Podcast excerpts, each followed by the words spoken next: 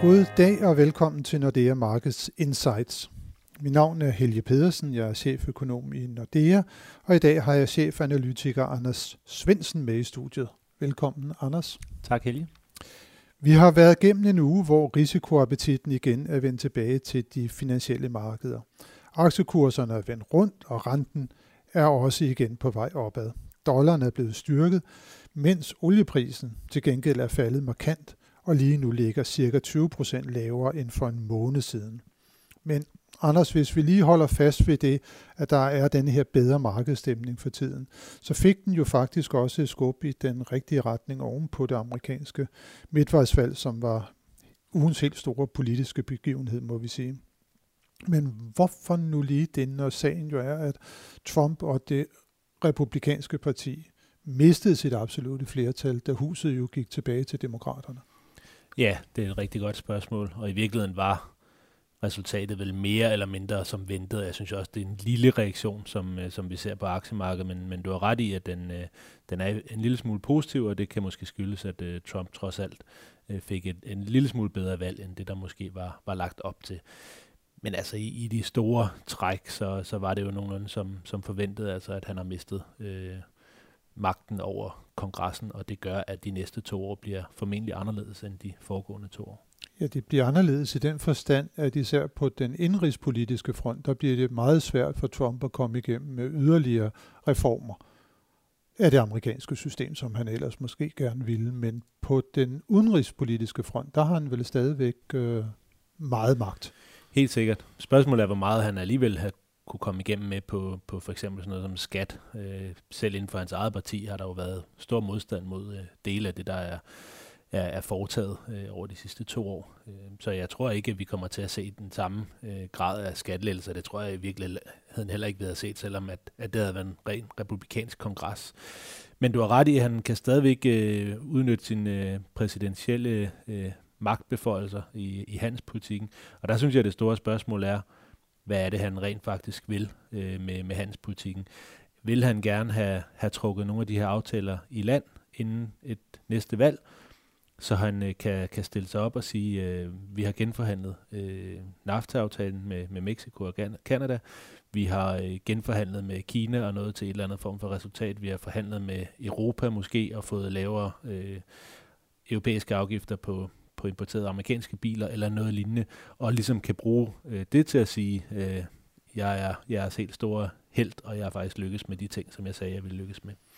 Men, altså det, det, det tror jeg da egentlig, at han gerne vil, ikke? fordi at vi så jo netop, som du siger, med den her nye NAFTA-aftale, som jo godt nok først lige skal godkendes helt i kongressen, men alligevel det virker jo som om, at Trump han faktisk er indstillet på, at der skal fortsat handles. Altså han er jo ikke helt sådan anti globaliseringspræsidenten, som man frygtede på et tidspunkt. Det skal bare være på bedre vilkår for USA.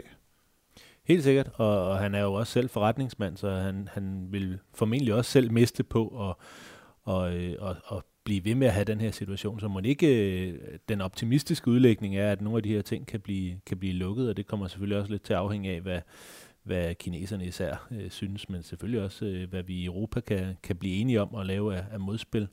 Øh, og så bliver det selvfølgelig også interessant, om man overhovedet er interesseret i at stille op igen øh, om to år, eller det her, det ligesom var, hvad han skulle have, have ud af det. Og det kan måske også påvirke, hvad det egentlig er, han har, har lyst til at gøre øh, de næste par år.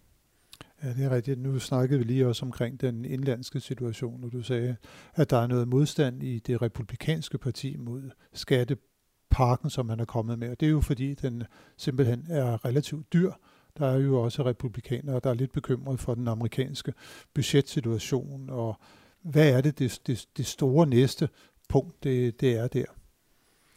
Jamen, der er jo en gældslofts... Øh, øh, aftale, som skal i hus i, i begyndelsen af, af næste år, og det bliver jo bestemt ikke lettere med en øh, del kongres at få, få lavet en aftale der. Øh, gældsloftet er blevet suspenderet og skal øh, træde i kraft igen, medmindre man, øh, man bliver enige om, om noget andet. Øh, og det er man øh, allerede øh, over eller tæt på at være over. Så det vil sige, at, øh, at vi kommer formentlig til at se nogle, nogle relativt intense øh, politiske forhandlinger, men hvor jeg gætter på, at øh, der ikke rigtig er nogen interesse fra nogen af, af siderne i at, og så nå i en eller anden øh, fuldstændig øh, paniktilstand øh, dagen før, øh, som, som vi har set tidligere. Nej, det bliver jo så testet en gang til, til foråret. Det bliver i hvert fald spændende at, at se, hvad der kommer ud af det. Hvis vi lige bliver øh, over i, i USA, så var der jo også i går et rentemøde i den amerikanske forbundsbank. Fed øh, valgte helt som ventet at holde renterne uændret. Men i den pressemeddelelse, som der blev sendt ud øh, i forbindelse med mødet, var der noget der, som det er værd at hæfte sig ved? Var der en ændring i retorikken fra Feds side? I store træk, nej. Altså Fed holder otte møder om, om året, og det er i virkeligheden kun de fire af dem, der er interessante. Det er de fire af dem, hvor de øh, leverer nye øh, forecast input ind, og hvor de holder presse, pressekonferencer, og så er der de fire andre, som var et af dem i, i går, hvor de bare kommer med en kort pressemeddelelse. Så vi snakker 20 linjer, øh, hvor der i realiteten var to bitte små forandringer i forhold til, til september. Øh, og det ene var, at investeringsvæksten ikke længere øh, er stærk, men er mere moderat. Og det andet er, at, øh, at ledigheden er fortsat mere at, at falde øh, siden, siden sidst. Så, så de balancerer vel hinanden lidt ud, og i virkeligheden så, så er Fed øh, klar til at hæve renterne igen i, i december. Og det store spørgsmål, som, som alle stiller sig lige nu, det er, om, om det her fald i aktiemarkederne, det har fået Fed til at ryste en lille smule på, på hånden. Og der må vi sige, dels så er aktierne jo kommet, kommet halvvejs tilbage i USA i forhold til, hvor de var, før de begyndte at falde. Øh, og dels så kan Fed lige så godt vente til, til december øh, med at, at diskutere det, og så øh, tage øh, fat i deres forward guidance efter det, altså hvor mange yderligere renteforholdelser efter den i december skal de indikere.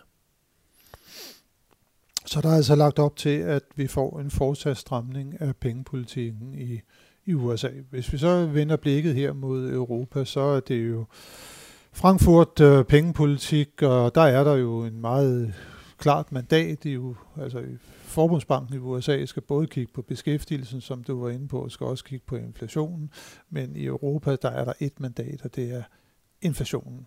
Og den har man jo virkelig haft svært ved at få op omkring sin målsætning, på trods af, at vi nu igennem øh, ja, fire år faktisk har haft øh, negative renter. Hvad er det, der ligesom øh, ligger til, til grund for den udvikling. Jeg ved, du har været nede sådan og, og dykket godt og grundigt ned i, i inflationen i, i euroområdet, og blandt andet også øh, set på sammenhængen fra arbejdsmarkedet over til løndannelse, og hvordan det igen så påvirker inflationen. Hvad er det, din, øh, din analyse viser der, Anders? Ja, vi har lavet en stort øh, inflationstema i, i den her uge, og, og konklusionen er jo, at, øh, at i virkeligheden er... øh, inflationen jo på, på målsætningen, men, men det er bare ikke holdbart, fordi en stor del af det i virkeligheden kommer fra, fra energi, og nu falder olieprisen, som du selv siger, så, så det kommer ikke til at vare ved. Men det, som er konklusionen i inflationstemaet, er, at der underliggende er begyndt at komme pres på, på lønningerne, og det vil bringe inflationen tilbage til, til ECB's øh, målsætning allerede med, med den forbedring, vi har set af, af arbejdsmarkederne i, i Europa indtil videre. Men hvornår kommer den Ja, den kommer så med noget forsinkelse, ja. og det er i virkeligheden det, der, der er også er konklusionen, at der ligger en masse forsinkelser i, mm. i, i det. Først fra, at ledigheden faktisk falder, til lønningerne begynder at stige, og så derefter fra lønningerne begynder at stige, til det rent faktisk øh, slår over i, øh, i, i nogle af de her... Øh, priser, som er konjunkturfølsomme, som i øvrigt ikke er en særlig stor del af, af de samlede forbrugerpriser. Så det, det tager noget tid, men konklusionen er i virkeligheden, at det, det er i gang med at ske allerede, og det er kun et spørgsmål om tid, før vi får, øh, før vi får kerneinflationen tilbage omkring øh, ECB's målsætning, og det er måske i virkeligheden årsagen til, at Draghi han er blevet øh, noget mere klar i spyttet her i øh, efter sommerferien, og, og, øh, og ECB i det hele taget øh, ret tydeligt indikerer, at de er færdige med at lave øh, opkøb, og måske også skal hæve renten på et eller andet tidspunkt, øh, når der er kommet en ny ECB-præsident. Hvis vi så forsøger på at sætte noget tid på det, nu har du sagt, at det, det sker med en vis forsinkelse, det ja. er undervejs, det kommer til at ske med en vis forsinkelse. Men hvornår er det, at øh, den udvikling, som vi ser på arbejdsmarkedet nu, rent faktisk gør, at inflationen har bevæget sig derop, kerneinflationen, eller det man kalder for den overordnede eller headline-inflationen, uanset hvad mål vi kigger på, hvornår er det, at det er deroppe, hvor at, at, at, at ECB virkelig vil, vil sige, nu er det nu, nu skal vi have den første øh, pengepolitiske stramning i her Gud. Ved ikke, hvor mange år. Ja, det, det, det er et godt spørgsmål. Øhm, først og fremmest så, øh, så har vi kigget på, på ledighed i sådan lidt bredere perspektiv.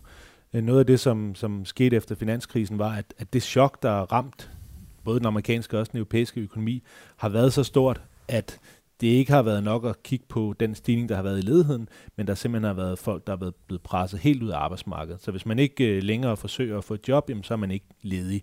Så når man normalvis kigger på sammenhængen mellem ledighed og lønvækst, jamen så er man fået undervurderet i virkeligheden, hvor mange folk, der har mistet deres, øh, deres job eller helt mistet tilknytningen til arbejdsmarkedet, og derfor har vi i virkeligheden i nogle år sagt, at nu skulle lønvæksten øh, komme. Men det er den ikke kommet, fordi der stadigvæk har været folk uden for arbejdsmarkedet, som, har, som man har haft mulighed for at trække ind. Vi har kigget på det forkerte mål. Ja, det er i virkeligheden øh, konsekvensen, i hvert fald i bagklodskabens øh, klare lys. Og når man så kigger på det brede ledighedsmål, så er, begynder vi nu at nærme os niveauer, hvor at lønvæksten mere permanent vil komme til at ligge omkring de her 2,5 procent omkring næste sommer, som, som mm. vi ser det. Mm. Og, øh, og det vil være nok til at, at presse kerneinflationen op i nærheden af ECB's målsætning.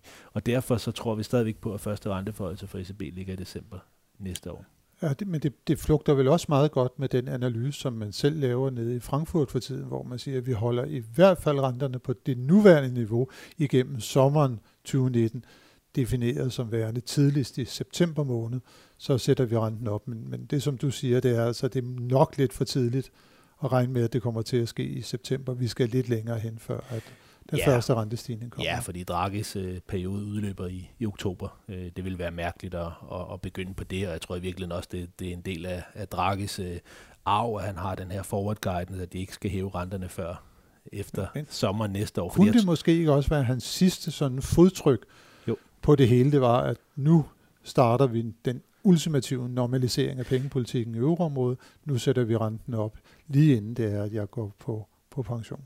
Jo, det kunne det selvfølgelig også være, men jeg tror faktisk stadigvæk, der er en stor del uenighed inden for ECB, ligesom der også har været i, i Fed. Og det, der i virkeligheden er, er uenigheden, er jo ikke så meget, at de her lønstigninger er der, og at de højst sandsynligt kommer til at, at føre til en stigning i inflationen.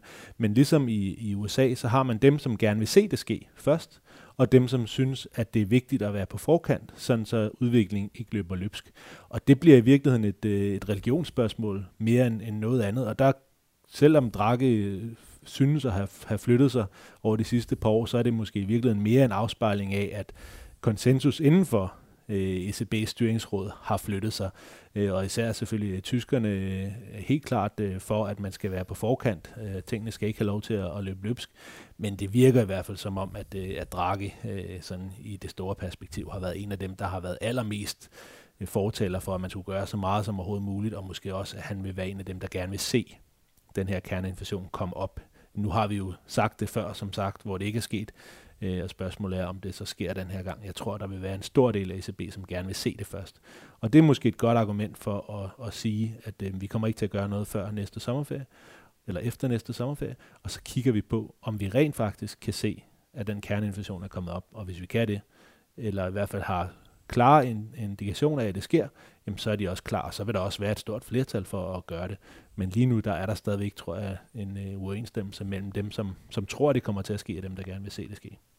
Så det ligger lidt langt ude i fremtiden. Ja, det, Hvis det, vi det nu jeg. vender os til den helt uh, nære nutid, uh, i stedet for andre, så, så lige prøver at slutte af med at se på, hvad der kommer til at ske på nøgletalsfronten i næste uge, hvad det er, der kan påvirke udviklingen på de finansielle markeder. Så er, kan vi jo konstatere, at det faktisk er den øh, store inflationsuge, meget apropos det, vi har snakket om. Vi får nogle endelige inflationstal fra Europa, og så får vi nogle friske inflationstal fra USA, og vi får faktisk også her fra Skandinavien. Sverige og Danmark kommer i, i næste uge. Men hvad skal vi vente? Skal vi vente os, at inflationen den, den kommer til nu her og vise, at den er inde på den der sti, som du, du snakker om, altså lidt op af, ved næste uges tal vise det? Nej, ikke i, ikke i Europa endnu. Øh, det, det er stadigvæk for tidligt. I USA er vi der jo allerede. Der har vi allerede kerneinflationen tilbage på, på ECB's målsætning, og der har vores inflationstema ja, i virkeligheden... Ja, undskyld, ja. Feds målsætning. Der har vores tema i virkeligheden meget mere handlet om, at vi er ved at nærme os nogle niveauer, hvor lønvæksten bliver så stærk i USA, at det faktisk er en, en risiko for, at Fed ligesom skal højere op, end det de selv har lagt op til indtil videre på, på renten. Men der selv i USA må vi sige, at den her styrkelse af dollaren, som vi har set øh, det sidste stykke tid, den kommer til i hvert fald lige nogle måneder at trække øh, inflationen ned. Så derfor så tror vi virkelig også, der kommer sådan et, øh, et øh, tal, der er sådan en lille smule øh, svagt i, i USA, øh, men stadigvæk med en, øh, med en kerneinflation, der kommer til at ligge lige omkring øh, Feds målsætning. Og i, øh, i Europa, jamen, der er vi langt fra. Vi kommer til at ligge på de her 1,1 stadigvæk i øh, kerneinflationen i, i øverområdet, og der kommer til at gå, som sagt, ja, frem til, til næste sommer, plus en chat måske, før vi sådan for alvor får, får kerneinflationen op. Det skal blive øh, super spændende, Anders, at se, øh, om du får ret i din forudsigelse omkring næste uge. Jeg kan afslutningsvis også lige nævne, at øh, et af de spændende danske nøgletal, som der kommer, det er øh, vores BNP-tal, øh, der øh, bliver offentliggjort øh, nu her for, for andet kvartal. Og det bliver jo super spændende at se, om, øh, om der er gang i dansk økonomi. Vi fik jo den behagelige øh, oplysning øh, her forleden, at det var, at øh, Danmarks Statistik har regnet forkert øh, for for det danske BNP i 2015 og 16, og vi i virkeligheden er knap 30 milliarder danske kroner rigere, end vi gik og forestillede os bare i sidste uge. Så det bliver spændende at se, om den udvikling den også kommer til at fortsætte, om vi fortsat har noget gang i dansk økonomi i en tid, der jo er lidt svær, øh, som følger blandt andet handelskrigen. Men Tak for nu, øh, Anders, og tak til alle jer, som har lyttet med til denne uges podcast. Det håber vi også, at I vil gøre i næste uge, hvor vi er tilbage med friske analyser og vurderinger af de finansielle markeder. thank you